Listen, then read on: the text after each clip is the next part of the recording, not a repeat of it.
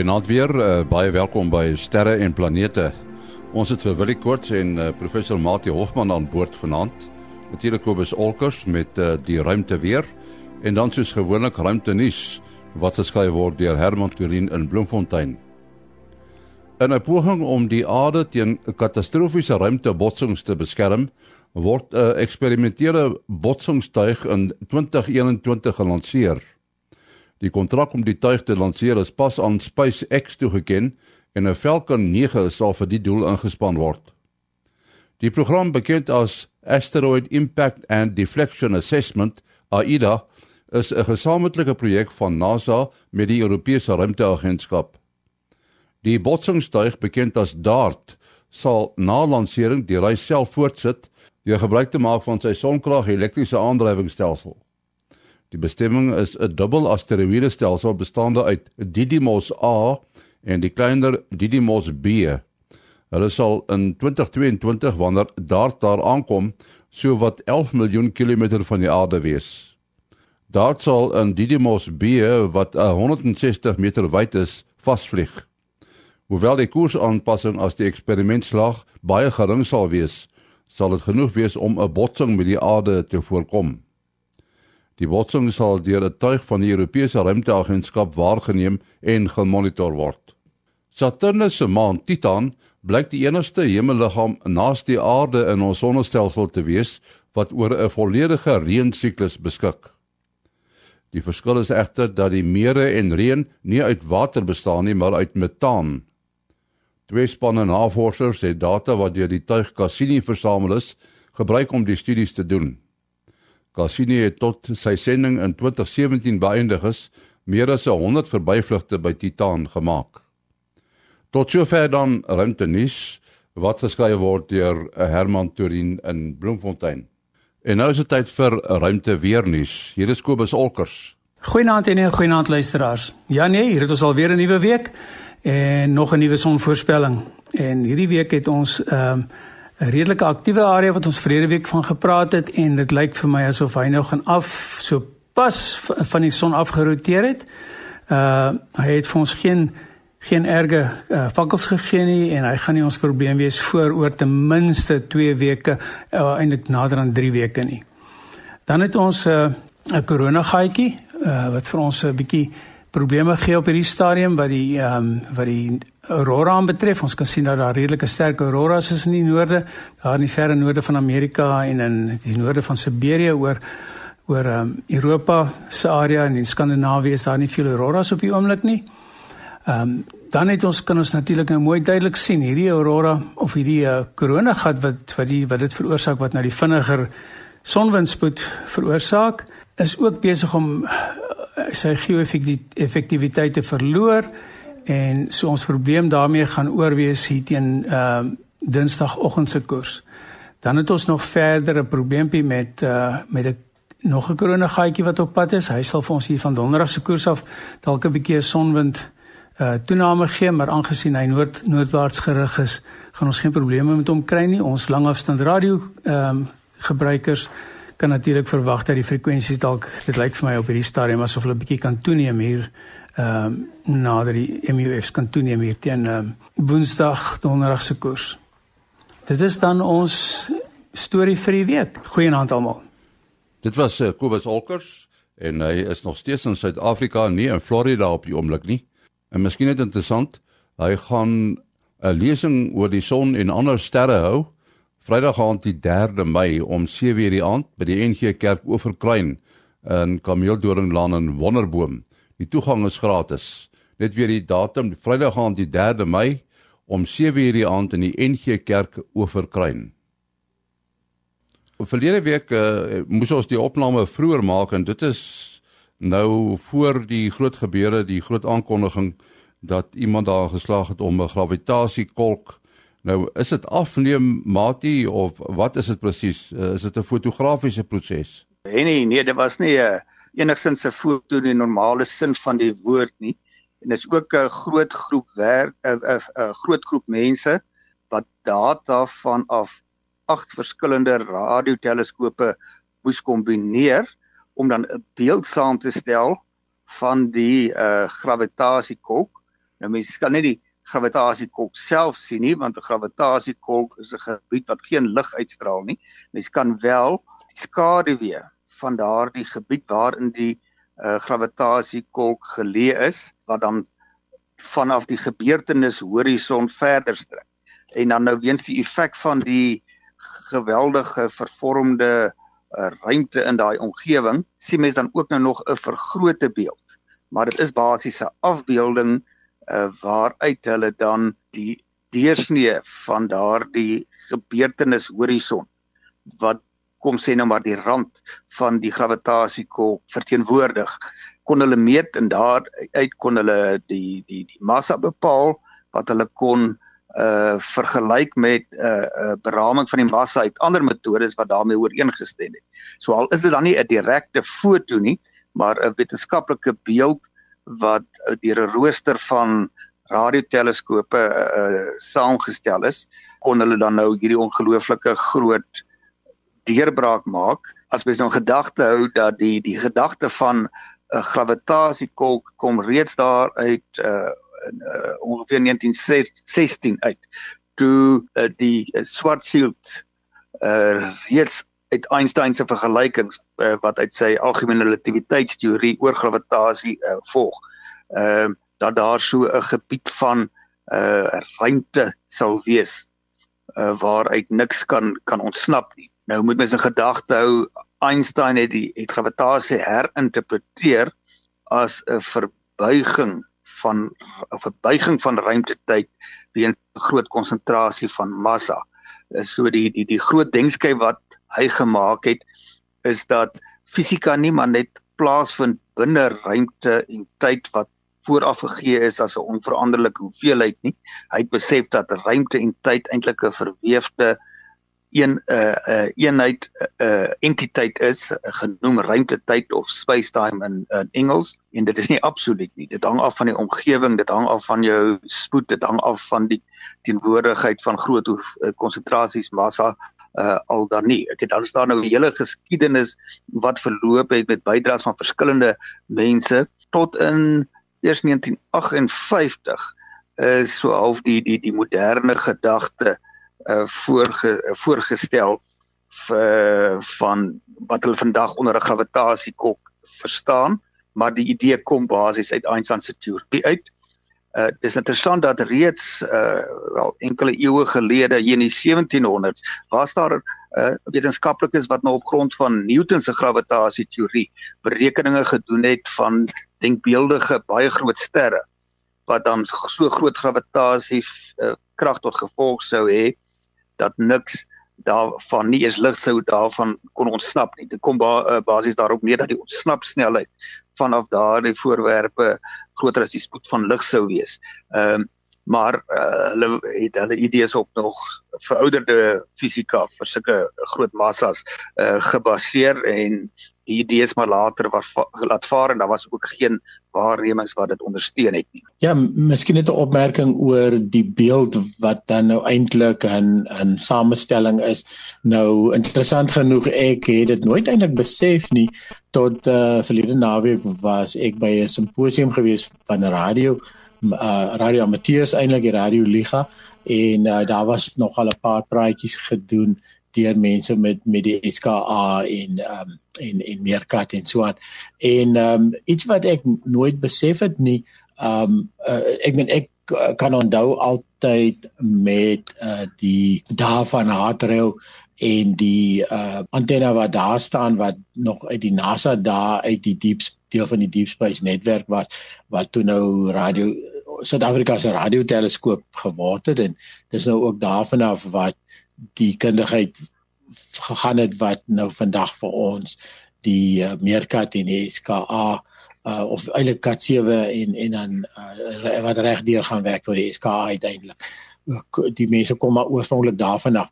En en hulle het uh, ag, altyd so 'n uh, uh, 'n foto wat amper soos 'n vis gelyk het het hulle gemaak wat 'n radio kaart is van die uitsending van radiogolwe deur die heelal en en natuurlik val ons melkweg en so aan. Toe noem die persone 'n interessante ding, 'n teleskoop vorm 'n beeld deur of 'n lens of 'n spieël. en dan word die beeld dan nou verder of op 'n CCD kamera gegooi of met 'n oogstuk bekyk ensovoorts as verskillende maniere om om die beeld te verwerk. Uh 'n radioteleskoop is is eintlik net die ontvanger gedeelte. Dit is eintlik net waar die lig bymekaar kom. Uh in die geval radiogolwe wat ook maar tipe van elektromagneties wat jy kan as 'n ander manier van lig beskou. Maar 'n radioteleskoop het nie 'n lens nie. En en jy kan 'n lens wiskundig beskryf is nou 'n groot woord, maar dis basies 'n Fourier 'n Fourier transform wat wat wat lig ondergaan om om deur 'n lens te te kom. So eintlik wat jou radiosterrekundiges nog al die jare doen is hulle sal dan hierdie verskillende skottels of 'n enkel skottel of in die geval soos waar die beskryf het uh skottels wat aan die noem dit maar van die rande van die aarde was wat wil sê jy het 'n teleskoop effektief gehad so groot soos die aarde wat die resolusie vir jou dit gee. Uh deur daai data te kombineer en hierdie uh wiskundige proses deur te hardloop, dan vorm jy 'n beeld. So dit was nogal vir my 'n baie interessante sande ding wat wat ek eintlik nooit voorheen besef het nie. So daai beeld is is so goed 'n beeld soos wat jy met 'n 'n 'n ligteleskoop sou kry, maar uh, dit is net op 'n ander golflengte geneem. Die, ja, die golflengte wat hulle dan nou spesifiek hier gebruik het uh, in die Event Horizon teleskoop, uh, is uh, uh as ek reg onthou 1,3 mm. Uh die golflengtes wat byvoorbeeld deur Meerkat gebruik word is ongeveer 10 maal uh, maal langer. So daar's 'n bepaalde rede hoekom hulle hierdie kort golflengte, wel kort vir radiogolwe gebruik het en dis omdat hulle uh, kyk na 'n gravitasiekolk wat in 'n omgewing is waar dit deur baie materiaal omring word en hulle moet 'n golflengte gebruik wat uh, daardie materiaal kon deurdring anders sal hulle geen uh, beeld kon uh, kon vorm nie. So dit is 'n uh, een belangrike aspek. Die rede hoekom hulle so 'n uh, groot rooster moes maak of 'n rooster met 'n uh, skottels dan duisende kilometers van mekaar af was om die nodige resolusie te kan kry jy moes fyn genoeg kan sien op 'n afstand van uh wat hierdie M uh 87 sterrestelsel is is miljoene ligjare. Uh so selfs 'n groot voorwerp in hierdie geval praat ons van 'n grootte vergelykbaar met die sonnestelsel, maar dit is verskriklik klein in terme van hoekgrootte op hierdie uh, uh groot afstand en dan jou fisika sê vir jou die uh, diepte wat jy kan sien uh, is uh, omgekeerd die rede gaan die deursnee. So as jou deursnee groot is, kan jy baie kleiner details sien. En nou uh, om 'n gevoel te gee hoe klein uh hoe groot hierdie uh, gebeurtenis horison gehad het op hierdie afstand na M87 se gravitasiekolk geleë is. Ehm um, wat so te loop, hulle bepaal dit met 'n massa van amper 7 miljard van die son uh dit trend uh, hulle dit so verduidelik as jy 'n golfbal nou uh op 'n afstand tussen uh, New York en uh, Los Angeles vat. So dis 'n hele paar duisend kilometer dan jy daar 'n klein holtetjies bo op die golfbal. Weet hoe groot een van hulle op 'n afstand sou lyk. So dit is verskriklik klein en dis hoekom dit so 'n groot prestasie is en so toewyding uh, geverg het. Nou wat hulle moet doen as 'n verskillende kontinente is of van Suid-Amerika, Amerika, Europa, uh, selfs op die op die suidpool. Ehm um, hulle moet die data gelyktydig be, be, bekom. Hulle kry nou radiogolwe in daai golflengte vanaf daardie uh omgewing rondom die gravitasie. Dan moet hulle dit later kombineer deur dit presies in tyd te ko uh, korreleer. So hulle maak gebruik van atoomhorlosies uh so die data op die regte tydstip ons nou kombineer om daardie uh die programme waarna wil hy verwys het uh, te kan toepas. Nou hierdie data was soveel dat hulle dit nie oor die internet kon versend nie. Hulle moes dit maar op harde skywe uh stoor en dit dan nou stuur na uh daar by MIT in uh, in uh, Boston en toe nou die uh die programme daarop gehard uh, gehardloop het en hulle baie moontlikhede moes uh oorweeg om uiteindelik ehm um, die beeld te vorm wat nou realisties is wat uh wat al die oorwegings aan uh aan voldoen. Uh nou ek daar so 'n foto wat nou baie uh, aandag getrek het op die sosiale media van 'n uh, 'n um, meisie met die naam Katie ehm um, Bowden uh wat sopas haar PhD doktorsgraad daar by MIT gedoen het. Wel so ek dink te 15 het sy dit voltooi. Sy was aan die aan die uh, die leiding geneem in die algoritme, die rekenaarprogramme wat nou die beeld moes uh, moes saamstaan, saamstel. En uh sy daar die foto wys haar daar waar sy by tafel sit gevul met al die harde skywe. Uh ek weet die harde skywe daar is 'n uh, hele klompie miljoen gigabytes in totaal dis data wat nodig was.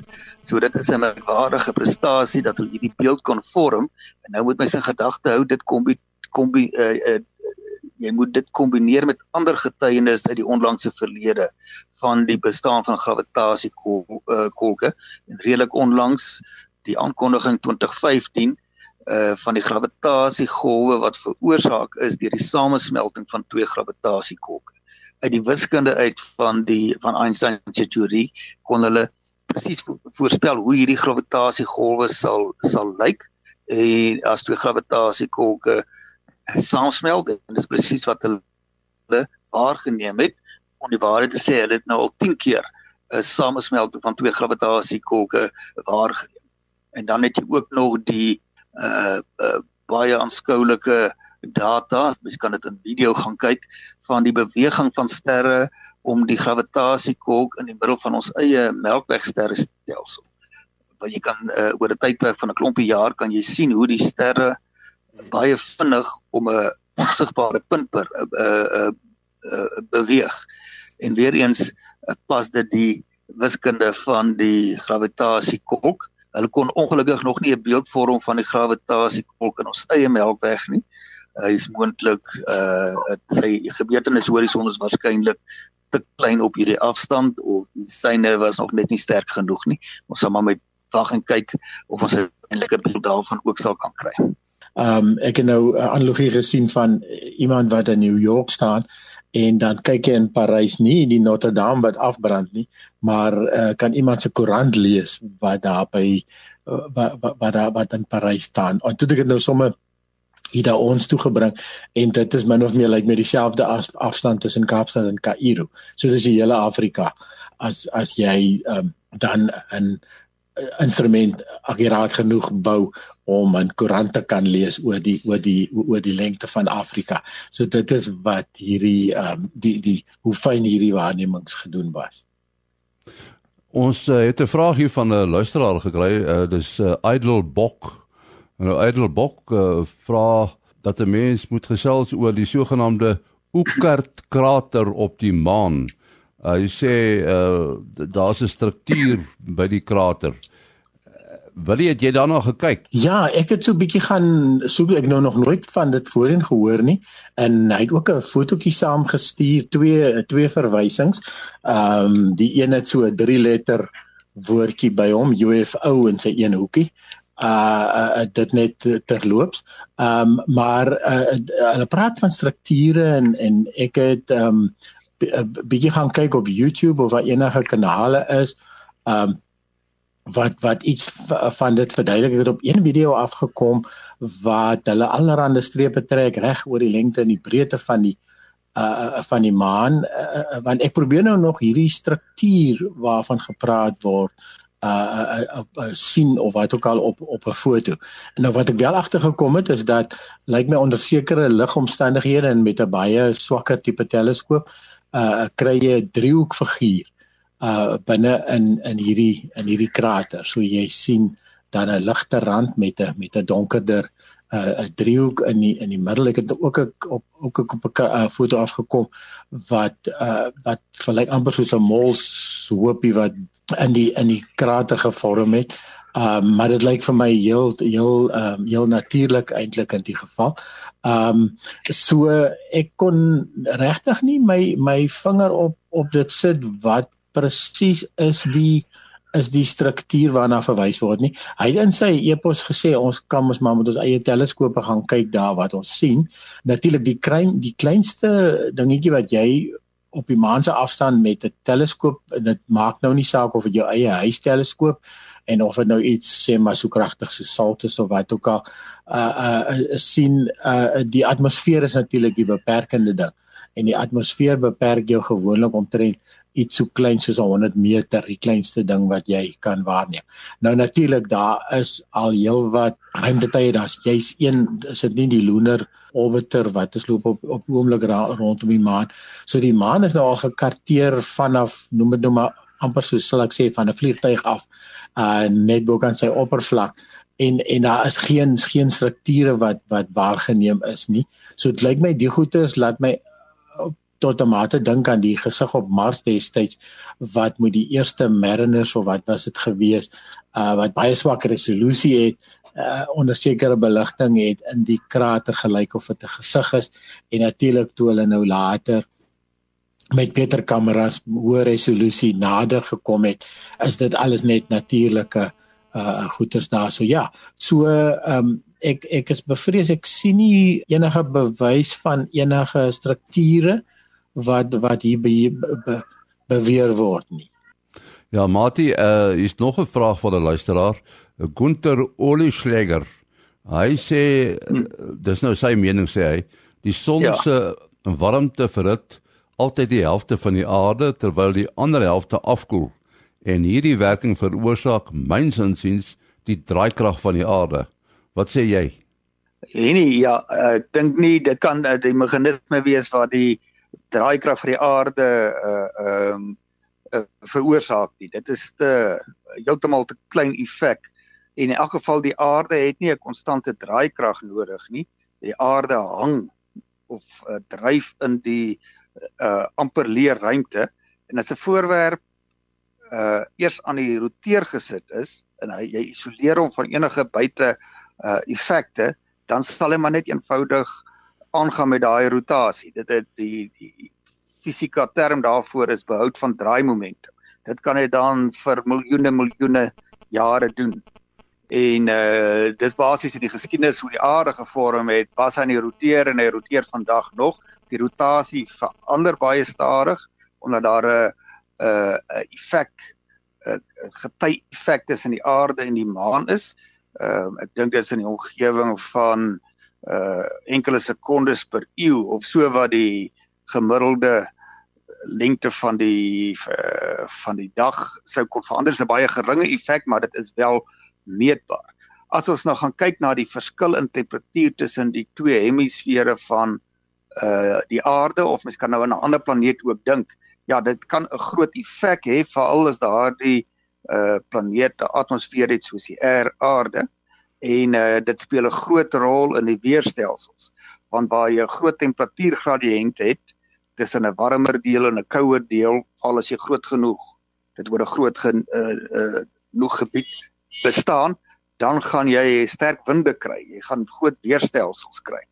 Ehm um, en dan as jy nou nog die rotasie van die aarde bysit dan kry jy uiteindelik uh, kan dit aanleiding gee tot groot strome ag groot groot storms maar daar's ook die konstante weerpatrone en klimaatspatrone van die hoë uh, ligstrome. Nou die die die weerkunde is nie my vakgebied nie, maar ek weet net uh daardie temperatuurgradiënte in die twee hemisfere en hoe dit nou uh ek bedoel die temperatuurverandering oor die kwessie van 'n dag is groot veral in die binneland dit uh, van sê nou maar uh plus 30 grade ja dit kan maklik met 20 grade tussen die minimum en die maksimum of meer uh, verander afhangende van hoeveel wolke daar is. Ehm um, dat groot temperatuur wisselinge en gradiënte en as daar nie 'n atmosfeer is nie, dan sal die uh wel dan staan nie enkling weer nie, dan gaan dit nie 'n groot effek hê. En maar die die grootte van die effek en die aard van die effek gaan afhang van hoe dig die atmosfeer is uh, uh en hoe ver dit vanaf die uh die son is natuurlik die die verskillende temperature tussen die ligkant en die donker kant gaan kleiner wees as jy nou baie ver vanaf die die son is soos uh sê nou maar Pluto. En dit gaan anders wees as jy gasplanete het sonder 'n soliede uh oppervlak wat vir uh uh wat direk uh verwarm terwyl 'n gas meer diffuus is en die temp die hitte oor 'n baie baie uh, groter volume geabsorbeer uh, word. So as mens nou gaan kyk na die maan en Mercurius uh waar daar nie eintlik sprake van 'n atmosfeer is nie, ehm um, dan kan daar dalk geologiese effek of so iets wees, maar daar's nou nie 'n uh, weer sodat ons dit op die aarde kan uh uh weet beleef nie. Ons moet afsluit. Uh, wil jy jou besonderhede? Ja, mense kan bel WhatsApp of SMS 072 4579208. 072 4579208. En dan Mati 0836257154. 0836257154. En dan by e-posadres maas.henny@gmail.com. maas.henny@gmail.com. Dit is die adres waarheen u u vrae kan stuur. Tot volgende week. Mooi loop.